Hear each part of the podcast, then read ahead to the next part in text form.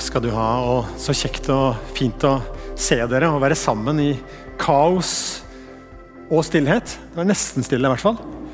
Det er sikkert min telefon. Eh.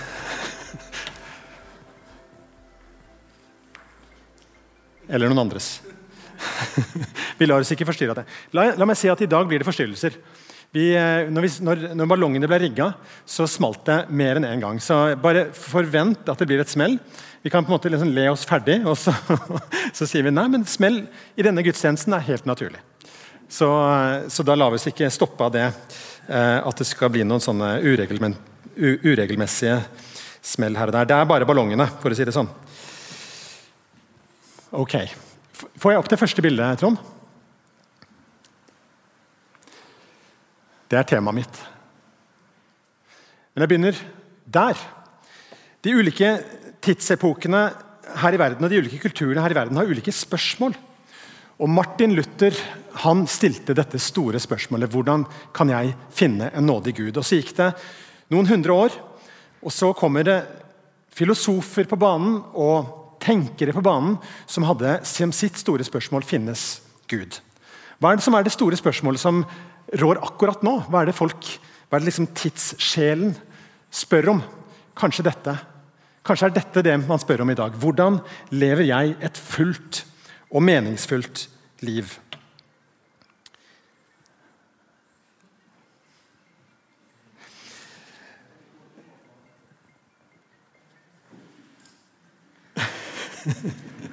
Det går så fint. Bare mest redd for at det er min. Det er sånn at eh, En teolog som heter Joel Halldorf, en svensk teolog, han har sagt det, at eh, med all den kunnskapen som vi har i dag, om klimakrise, overforbruk og fattigdom, så står vi overfor et dilemma. Fordi vi vet det, men vi gjør ikke noe med det. Og Det gjør at folk fylles med en sånn følelse av at 'jeg er et dårlig menneske'. Og så fylles man med skam. Før koronaen så man om flyskam. Jeg har ikke hørt så mange som snakker om det lenger, men Du kan egentlig ta hvilket som helst ord du vil, og så kan du sette skam etterpå, og så, og så treffer du et eller annet i tidsånden. Det er jo sånn nyord, og det er mye kreativitet på dette. her. Uh, dette er jo helt forferdelig, men det snakkes om mammaskam. Det snakkes om ammeskam og det snakkes om manneskam. Jeg skal ikke gå inn på noen av de, men det er bare for å nevne noe. Det er alt dette vi, vi vet vi burde gjort, og som vi føler at de andre forventer at vi gjør, og så ikke vi lever opp til. Det gjør noe med oss som mennesker. Det snakkes om en sånn eksistensiell skam som ligger over oss som kultur. Og jeg har sagt det før, og jeg sier det igjen, at En av utfordringene med sekularismen er at den mangler nåde. For Det fins ikke noe sted å gå og be om tilgivelse og få tilgivelse hvis ikke det fins noen allmektig og nådig Gud. Og så er evangeliet om Jesus stort nok og sterkt nok til å være løsningen og svaret til alle tider, på alle kontinenter og i alle kulturer. Så Det som Martin Luther trengte og fant i sin desperate kamp for å finne en nådig Gud, han fant det i evangeliet om Jesus alene. Og Budskapet til 1800- og 1900-tallets filosofer som stilte spørsmål om Gud egentlig finnes. Ja, Hvis du får et møte med Jesus, så vet du at Gud finnes. For han, han sa om seg sjøl at han var sann Gud og sant menneske. Og Et møte med Jesus og hans nåde det er også et møte med Gud. Og til dette store spørsmålet som stilles i vår tid, hvordan kan jeg leve et fullt og meningsfylt liv? Jesus gir også det beste svaret til det spørsmålet. For det, Du kan fortelle menneskene rundt deg at det går an å leve et oppreist liv. Et tilgitt liv.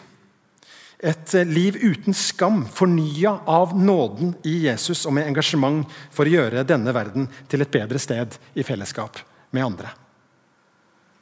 Det er fantastisk å kunne få lov til å legge sitt liv i Guds hender og få lov til å få nåde over sitt liv. Og jeg tror vi trenger det alle sammen. Så Jeg vil snakke litt om nåde i dag. Og Vi skal lese to vers fra åpenbaringsboken. Dette er Bibelens siste bok.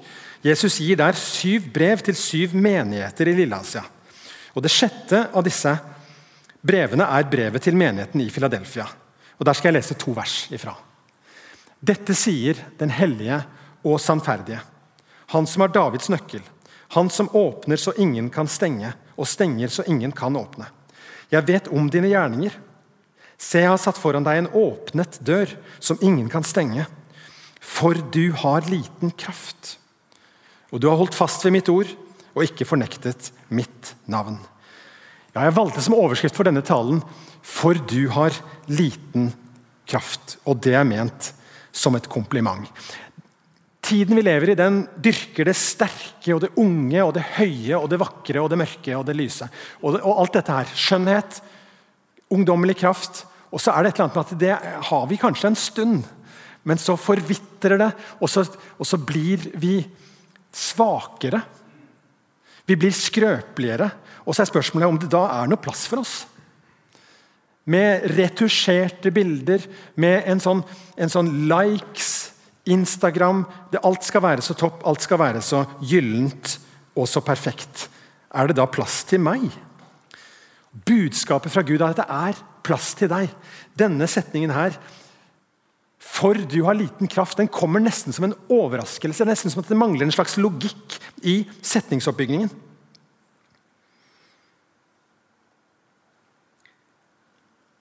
Jesus skryter av menigheten i Filadelfia. Noen av disse syv menighetene får mest eh, refs, men Filadelfia får utelukkende ros. Og Så starter han da med å fortelle hvem han er. Han er den hellige og sannferdige. Han er den som har Davids nøkkel. Han er den som åpner så ingen kan stenge. Han er den som stenger så ingen kan åpne. Det er Jesus, den allmektige Gud, som snakker. Og så er han også den allvitende. Jeg vet om dine gjerninger.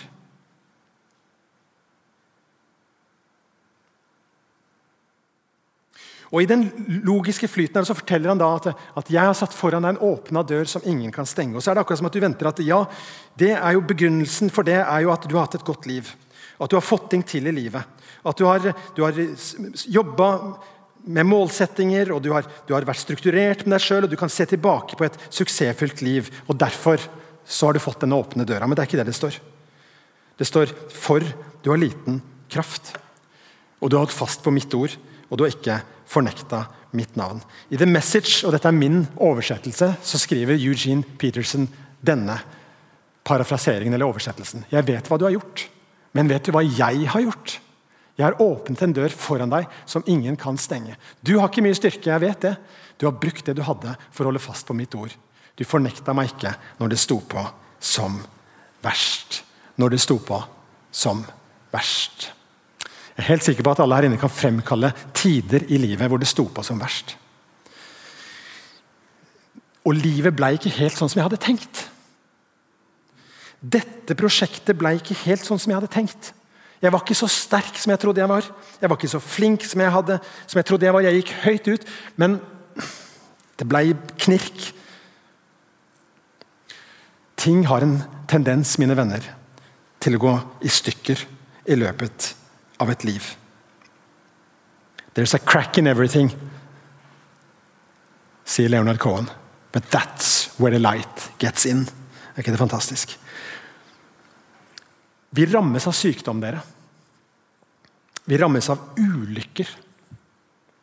Noen erfarer samlivsbrudd, konflikter på jobben eller i menigheten. Det er ikke så lett å være så sterk da når det står på. Du blir sårbar, og de dårlige sidene ved deg kommer fram. Du klarte å skjule dette her i medgangstider, men nå tyter det til overflaten. Hør på dette. Nåden er for deg og meg som har liten kraft. Det er nesten som det er en forutsetning. Ja, for du har liten kraft. Jesus han har satt foran deg en åpna dør. Ikke en åpen dør. Det er ikke en tilfeldigvis tilfeldigvis sånn at han satt der foran en åpen dør. Det er en dør som er åpnet. Det er et verk som er gjort, det er, en, det er en jobb som er gjort, det er noe som er fullført, slik at den døra er åpnet. Jeg snakker da om Golgata-verket, forsoningsverket. Han har åpna en vei til Gud for deg og meg. Den døra han har satt foran deg, den er ikke bare åpnet. Den, er, den løfta av hengselen og kasta på Sognefjorden, der det er 1300 meters dyp. Det er ingen som kan stenge når han har åpna. Ingen som kan åpne når han er stenga. Og han sier, han som er den sannferdige, han sier til deg at han har satt foran deg en åpna dør. Skal vi ikke bare gå inn, dere? Skal ikke dette være en sommer som ikke blir en åndelig tørketid eller en pause fra gudslivet ditt. Men skal ikke dette være en sommer hvor du går inn den åpna døra? Og så sier du, 'Jesus, jeg vil være sammen med deg'. Jeg vil være sammen med deg uten skam over det som ikke ble helt sånn som jeg hadde håpet det skulle bli. Jeg vil gå inn og være sammen med deg uten skam over det som jeg ikke fikk til. Jeg har liten kraft, men det er faktisk hele poenget her. Du har hatt fast ved mitt ord. Du har ikke fornekta mitt navn. Når det sto på som verst Jesus, så gikk jeg ikke fra deg. Nei, du gjorde ikke det. Og da holder det. Ikke basert på hvor sterk du er, ikke basert på hvor flink du er, ikke basert på hva du har gjort, men på hva han har gjort. La oss gå inn. Jeg hadde en krevende oppgave foran meg for eh, en eh, ukes tid siden. Og eh, da var det dette verset jeg fikk når jeg ba. Og så kjente jeg at det var en sånn resonans i meg. Passer fint med selvbildet mitt. Jeg har liten kraft. Og Så var det noen som ba for meg, så sa de når jeg ber for deg nå, så tenker jeg på Gideon.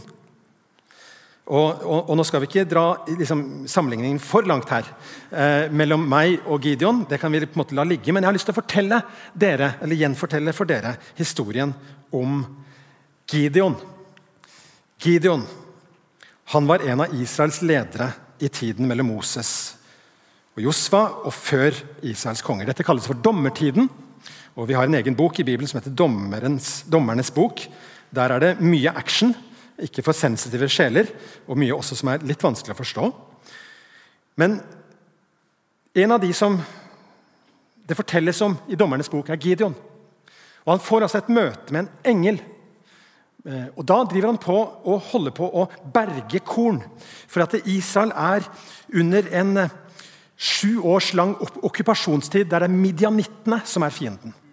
Og De har en spesialitet, og det er å ødelegge avlingen hvert år. sånn at Israel utmagres. De kommer som en sånn sabotasjegjeng, og de ødelegger maten deres. De skal sulte de ut av sitt eget land. Og Gideon og de andre de er i nød, og de har ropt til Gud og de har bedt til Gud. Og Gud svarer altså med å sende en engel til Gideon idet han holder på med å redde korn fra plyntring. Og Så snakker engelen til Gideon og så sier han, 'Herren er med deg, du djerve kjempe'. Og Gideon han er dønn ærlig. Han sier at hvis Herren er med oss, se rundt deg. Se hvilken nød vi er i. Hvis det er sånn at Herren er med oss, ja, la han vise det, da. Og så vet jeg ikke om han følte seg så veldig som en djerv kjempe der han sto. Det er lov å være ærlig.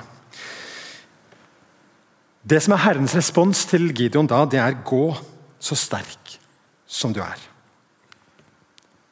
Da vendte Herren seg til ham. Og Legg merke til med disse tekstene, Når det er en sånn Herrens engel som kommer, så dukker plutselig Herren opp i teksten. Så Herrens engel og Herren er egentlig to sider av samme sak, kan det se ut som. Merkelig nok. Da vendte Herren seg til ham og sa Gå av sted, så sterk som du er. Så skal du frelse Israel av midjanittene sånn. Har jeg ikke sendt deg. Minne litt om det verset jeg ble minnet om, for du har liten styrke. Gideon, du skal ikke gå med en kraft du ikke har. Du skal ikke gå med egenskaper du ikke har.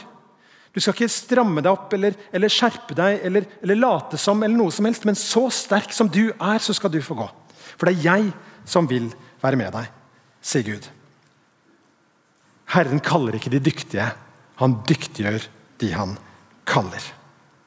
Hovedpoenget her er at det er jeg som sender deg. Og Så gjentar det litt, litt lenger ut. Jeg vil være med deg. Gideon han sier, 'Vent her', sier han til engelen.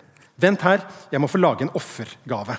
Så går han hjem og tilbereder et måltid, tar det med, setter det på en stein. Engelen rører ved den steinen så kommer det ild fra himmelen og tar fyr i hele offergreia. Han trenger ikke å tenne på dette, her, det er det Gud sjøl som gjør. Du skulle tenke at Gideon ikke trenger noen flere tegn på at det faktisk var Gud som hadde gjort dette. Men han er en tviler, og han er redd. Og litt feig. Han har opplevd sterke ting med Gud allerede, men han trenger bekreftelse likevel. Han var ikke sterkere enn det. Han var ikke dyktigere enn det, men Gud hadde sagt til ham, gå og vær sterk. Gå så sterk som du er. Og så var han villig til å gå, og det var det som telte. Han får beskjed dagen etter av Gud. Riv ned der, den der Ashera-stolpen og det der Bals-alteret. Riv det ned. Ja, sa Gideon, kan jeg gjøre det om natta? For jeg er litt redd. Ja, greit, ta det om natta. Og det gikk bra. Og, og, og de ville ta han, men han, han uh, slapp unna. Litt redd og litt feig. Og Så kommer det som Gideon er kanskje er mest kjent for. De skal nemlig nå gå til krig mot uh, midianittene. Og Herren har sagt at du skal lede, og det kommer til å gå bra. Du kommer til å vinne. Men dere er altfor mange. De hadde da en hær på 32 000. Jeg vet ikke om det er mange eller få sammenlignet med midjanittene, men Herren sa det er for mange. De som er redde, kan få gå hjem. Og Da hadde sikkert Gideon lyst til å gå hjem, men uh, han gjorde ikke det. Han sa ok, jeg skal være leder for denne her, men det var 10 000, en tredjedel av gjengen som for hjem. Så Da var de 22 000 igjen, klare til strid. Men Herren sa nei, det er fortsatt for mange. Så nå gjør Han noe veldig merkelig. Han sier at alle skal gå ned til elva og drikke. og så skal jeg sile ut de som skal være med på denne krigen, på en, på en måte som er bare min. De som Han sa det ikke på forhånd, men han sa legg merke til hvordan folk drikker. De som legger seg ned og drikker på alle fire, de skal få dra hjem. De som bruker hånda, og som lepper i seg vannet som en hund, de skal få være med. Problemet var at det var bare 300 stykker. Det er ikke noe særlig til her, så jeg tenker at hvis Gideon var redd før, så tror jeg han var redd nå. Men han hadde sagt det er jeg som har sendt deg. Og han hadde sagt gå så sterk som du er. Og så hadde han tatt fra han egentlig alle støttene han hadde. Man kunne jo tenke at våpnene våre, man kunne jo tenke at eh, hestene våre Man kunne jo tenke at eh, armeen min skal klare dette, men det var ikke armeen hans som skulle klare det, det var Gud. Så de vinner seier, og jeg går ikke lenger enn det i den historien. Men det er fascinerende. Paulus han hadde en eller annen lidelse, en eller annen hendelse, en eller annen opplevelse eller en eller annen ting som han skulle ønske ikke var der. Han kalte det gåtefullt nok for tornen i kjødet. og vi vet ikke helt hva Det er. Det betyr kanskje at vi kan bruke vår situasjon eller vår lidelse eller vårt bønneemne og så kan vi tenke at det er noe av det samme. I hvert fall så sa Paulus tre ganger til Herren Ta det fra meg, vær så snill. Og jeg tror han ba en inderlig og tydelig bønn til Gud. Please, du har hørt meg før. Ta dette også bort fra meg. Og Så får han dette svaret. Min nåde er nok for deg, for, for min kraft fullendes i skrøpelighet. Det er en livslov her Paulus, som du ikke må glemme, og som du må prøve å forstå, selv om ikke du kan forstå det med hodet ditt, så prøv å forstå det med hjertet ditt og med livet ditt. At det, er ikke, det handler ikke om deg. Det handler ikke om fullkommenhet hos deg. Det handler ikke om et perfekt liv hos deg. Det handler ikke om at alt skal være på plass. og Kanskje du til og med kjenner på skammen over dette du lider under. Og Kjenner at folk ser på deg. Noen har antydet at det kanskje var en øyensykdom han hadde. Og Han så kanskje litt merkelig ut med den øyensykdommen, og det kanskje var noe skamfullt over det. for alt jeg vet. Ta dette fra meg, da. Men det handler ikke om deg, Paulus. Det handler om min nåde. Og kraften min den fullendes når du er svak. Dette sier Paulus også tidligere i samme brev.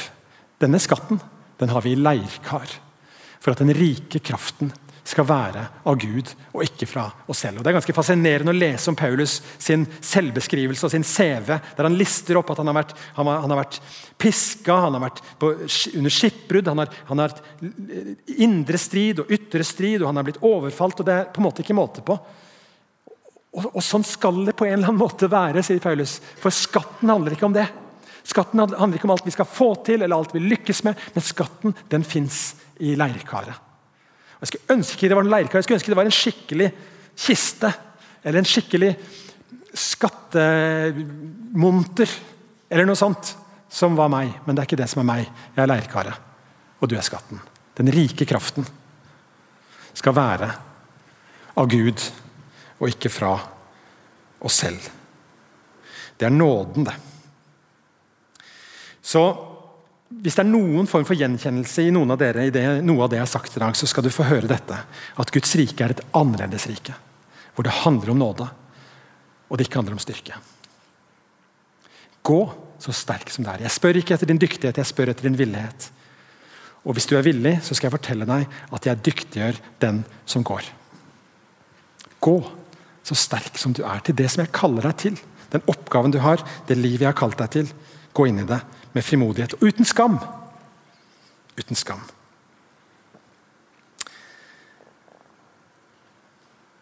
I en gammel salme så heter det Du som freden meg forkynner. Du en frelser, jeg en synder. Du med amen, jeg med bønn. Du med nåden, jeg med skammen. Og hvor vi dog passer sammen, du Guds salvede, Guds sønn. Skam, livsskam, går i oppløsning i møte med Guds nåde. Du kan være oppreist, min venn. Du kan se folk i øynene. Du trenger ikke å være skamfull over den du er, eller det du ikke har fått til. Nåden. Du passer sammen med Guds sønn selv om. Det er evangeliet. Det er nåden til deg. Så synger Trygve Skau i en litt mer moderne og nyere sang 'Du og jeg, kjære Jesus'. Hvorfor er vi blodsbrødre? Når jeg stadig svikter og tviler, hvordan kan du elske en som meg? Ingenting er alt jeg vet om hvorfor du kan tilgi meg så fullkomment og helt. Hvem er du, om ikke ekte kjærlighet? Jeg vil legge meg ned for dine føtter, nyte all den ro som du kan gi. For det var du som satte meg fri. Jeg har ingenting jeg kan gi tilbake. Alt jeg har, er tomme ord, men allikevel får jeg komme til dekka bord. Og vi har fått komme til dekka bord i dag. Til noe som var ferdig, og noe som vi kunne få ta imot, og noe som vi kunne få nyte i nattvær. Sett på den sangen i sommer. Trygve Skau, eller om du har en annen favoritt, så kan du sette på Birgitte Bergerud med samme sang. Nyt all den ro som han kan gi. La kroppen din få styrke seg på nåden. Kan bandet få komme fram? Så skal vi ta litt responstid. Kan ikke vi reise oss alle sammen, og så skal vi være litt i bønn og stillhet sammen innenfor Gud? Jeg skal invitere deg inn i en bønn nå. og Det første jeg har lyst til å invitere til, det er rett og slett at du skal få lov til å komme med det som er. Du skal få lov til å være ærlig for Gud med det som du ikke har fått til, og din svakhet og din skrøpelighet. Det kan være en synd han minner deg om, noe konkret. Så skal du få lov til å bare holde det framfor Gud. og Jeg skal ikke jeg skal ikke be noen rekke opp hånda, eller noe som helst, men jeg vil at hver og en av dere skal lukke øynene. Og så bare er vi for Gud. Og Hvis du har lyst til å holde hendene dine fram for Gud som et tegn på at du nå holder denne tingen foran Han, så skal du få lov til å gjøre det. Himmelske Far, vi kommer til deg med våre liv. Med det som denne, dette halvåret har vært, på godt og vondt. Med det som dette livet fram til nå har vært, på godt og vondt. Det vi har fått til, og det vi ikke syns vi har fått til så bra. Det vi er stolt av, og det vi skammer oss over. Vi kommer til deg med vårt liv. Vi kommer til deg med vår synd. Når du i ditt ord minner oss om din standard, og vi erkjenner at vi ikke lever opp til den standarden, så, så setter vi ord på det. Takk at vi kan få bekjenne det. For mennesker og for deg. Og få legge det av ved korset. Vi legger det av ved korset. Hvis du har lyst nå til å bare slippe hendene ned og på den måten symbolisere at du legger det av ved korset Løft håndflatene ned og bare la det slippe.